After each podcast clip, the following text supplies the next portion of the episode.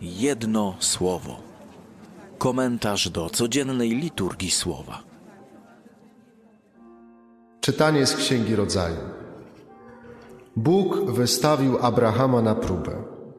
Rzekł do niego: Abrahamie. A gdy on odpowiedział: Oto jestem, powiedział: Weź twego syna jedynego, którego miłujesz, Izaaka, idź do kraju Moria i tam złóż go w ofierze na jednym z pagórków, jaki ci wskażę. A gdy przyszedł na to miejsce, które Bóg wskazał, Abraham zbudował tam ołtarz, ułożył na nim drwa i związawszy syna swego Izaaka, położył go na tych drwach na ołtarzu.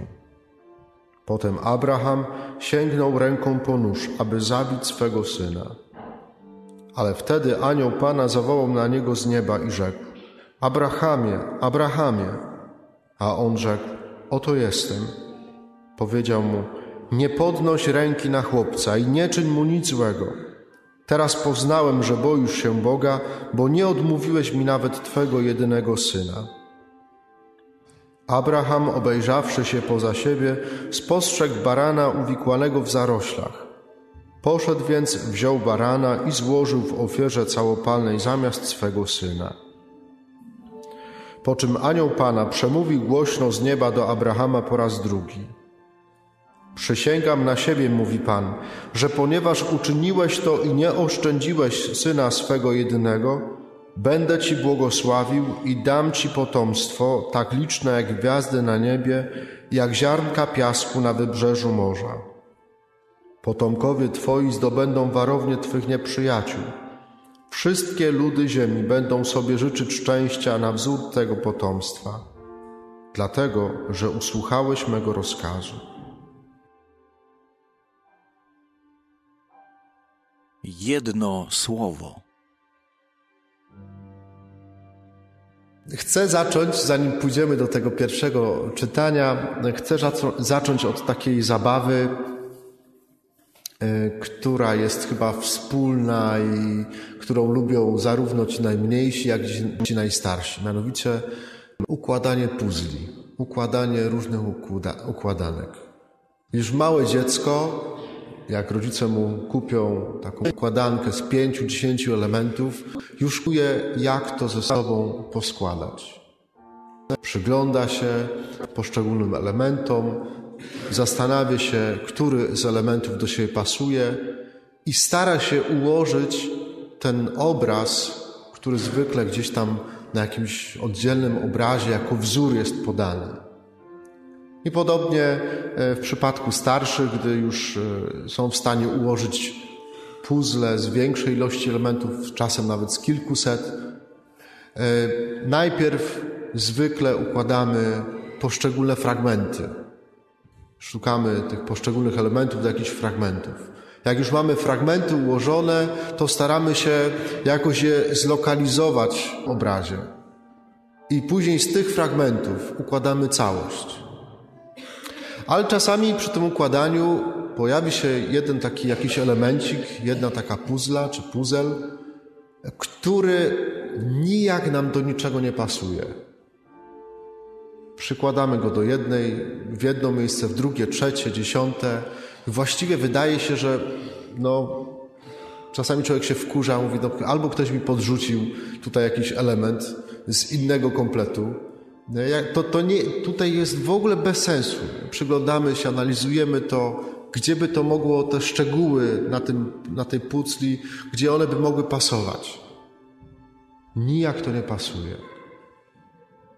Ale dopiero po dłuższym czasie, jak już rzeczywiście odłożymy ten element gdzieś na bok, po dłuższym czasie układamy już w całość te większe części, i okazuje się, że czasami w najbardziej niespodziewanym miejscu brakuje właśnie tego jednego elementu. Ten, który wydawał się być wcześniej kompletnie bezsensowny, wręcz jakby z innej bajki, to na samym końcu można powiedzieć, że nabiera sensu, odnajduje się jego właściwe miejsce. Skąd takie myśli w drugą niedzielę Wielkiego Postu? Popatrzmy do tego pierwszego czytania, do historii Abrahama. Abraham, Pan Bóg go powołał, gdy miał 75 lat na karku. Był człowiekiem, który miał jedynie żonę, byli bezdzietni. Długie lata wyczekiwali potomstwa i już kompletnie stracili nadzieję na to potomstwo. Pan Bóg w końcu daje mu potomka. Rodzi się Izaak w jego starości i w starości jego żony. To byli już ludzie naprawdę w podeszłym wieku. Rodzi się Izaak, a gdy Izaak zaczyna dorastać, gdy jest małym chłopcem, wtedy Pan Bóg mówi: Zabij Twojego syna. Złóż go w ofierze na górze Moria. Proszę się wczuć w taką sytuację. Kompletnie bezsensowna sytuacja. Kompletnie. Jednak, jednak Abraham co robi? Bierze swojego syna, bierze swoje sługi, przychodzą do góry Moria.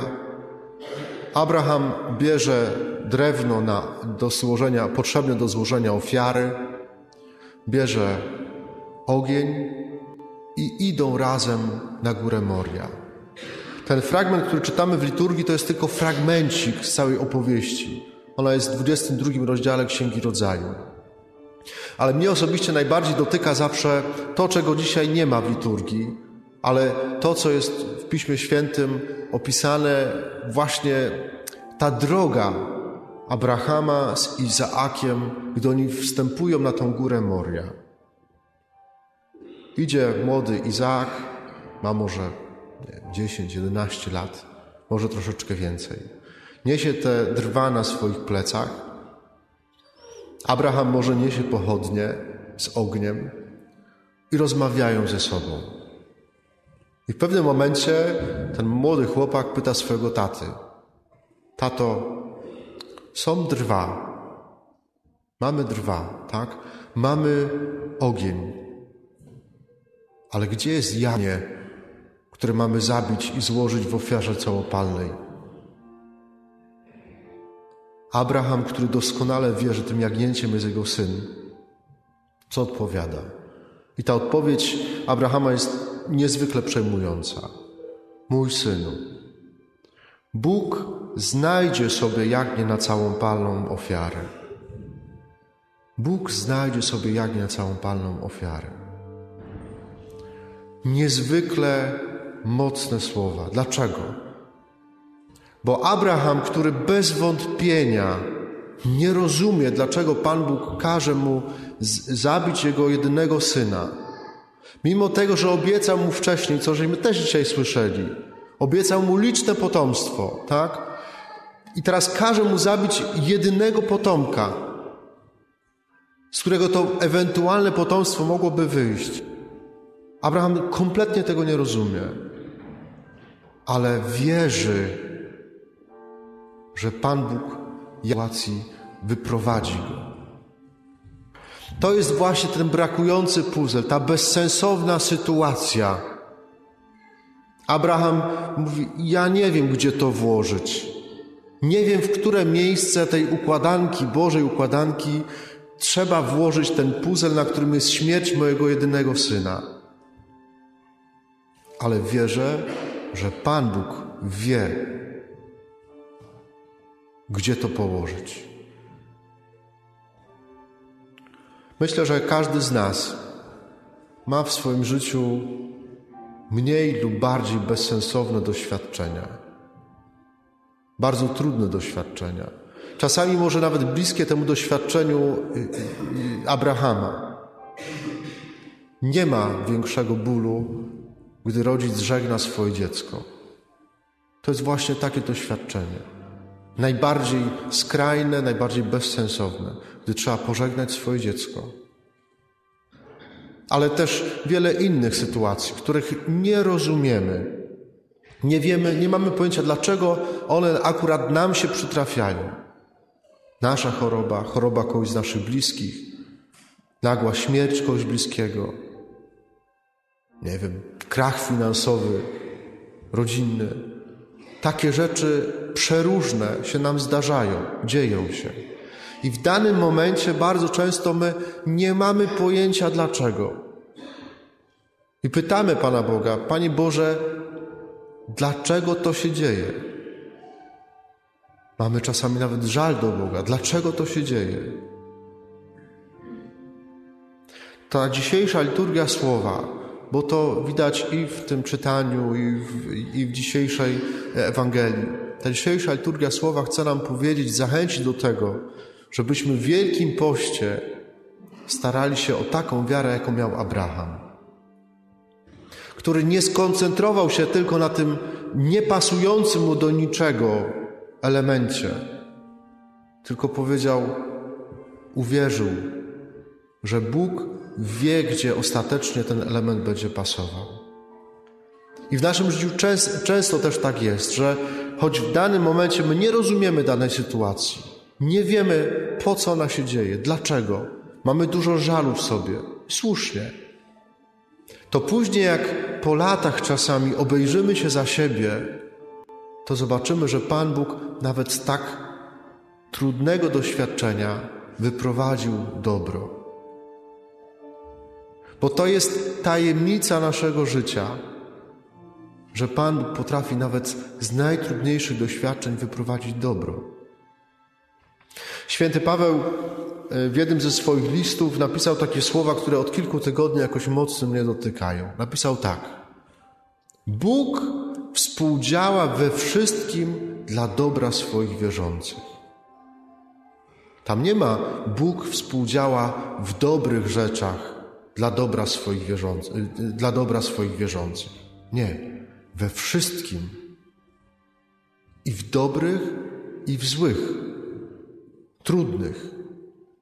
My jesteśmy tak przyzwyczajeni do tego i bardzo często w ten sposób myślimy. Jak mi się dobrze powodzi, jak wszystko idzie dobrze, no to znaczy, że Pan Bóg mi błogosławi.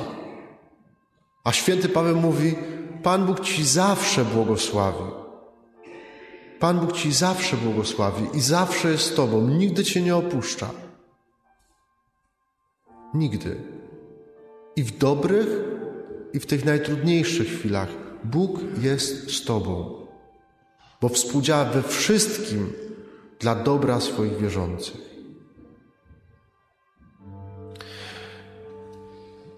Jak układamy puzzle, to potrzebujemy jakiegoś wzorca, jaki, jaki wzór układamy, jaki obraz układamy. I zerkamy co chwilę na ten, na ten obraz, zastanawiając się, w które miejsce włoży dany element. Nie inaczej jest w tej dzisiejszej liturgii słowa.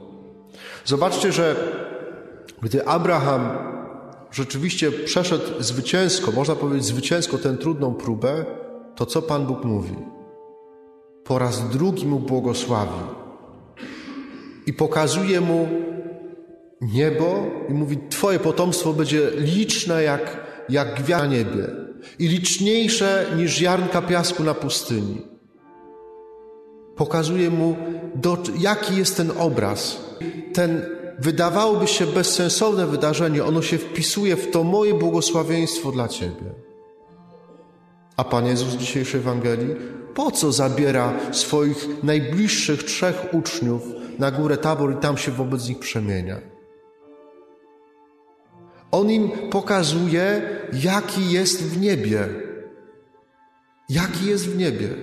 Im daje, pokazuje im obraz tego, do czego dąży, do czego chce doprowadzić człowieka. Po co? Następną górą, która się pojawi w Ewangelii, będzie góra Kalwarii. Pan Bóg daje im zerknąć do nieba, po to, żeby gdy będą przeżywać te trudne sytuacje związane z Jego męką, śmiercią, żeby nie zwątpili. I Ewangelia nam to pokazuje, że właściwie jedynym, który zrozumiał tą lekcję, był święty Jan. Tylko on został do końca pod krzyżem. To tak z nami jest że my często, gdy przeżywamy, tak można powiedzieć, nasze życiowe tajemnice bolesne, to tak się na nich koncentrujemy, że zapominamy, że nasze życie to nie są tylko tajemnice bolesne, tylko po każdej tajemnicy bolesnej przychodzi tajemnica chwalebna. Pan Bóg pozwolił swojemu synowi przejść przez te tajemnice boleści, po to, żeby doprowadzić go do chwały zmartwychwstania. Ale to jest droga dla każdego z nas, bo my idziemy razem z Chrystusem. Przeżywamy Wielki Post, tajemnice bolesne Pana Jezusa. Przeżywamy nasze życiowe tajemnice bolesne po to, żeby razem z Nim dojść do chwały zmartwychwstania, do tajemnicy chwalebnych. Prośmy dzisiaj za te wszystkie osoby, może to chodzi o mnie, które przeżywają dzisiaj tajemnice bolesne w swoim życiu, które zastanawiają się, po co te trudne doświadczenia się zdarzają, które nie widzą sensu w tych trudnych doświadczeniach. Prośmy dla nich i dla siebie samych o wiarę Abrahama, która potrafiła e, pójść dalej i zaufać Panu Bogu, wierząc, że to wszystko, choć dzisiaj wydaje się trudne i bezsensowne, jest w jakiś przedziwny, tajemniczy sposób wpisany w Boży plan błogosławieństwa, zbawienia, odkupienia człowieka. Pan Bóg współdziała we wszystkim, także w tych najtrudniejszych chwilach, dla dobra swoich wierzących. Amen.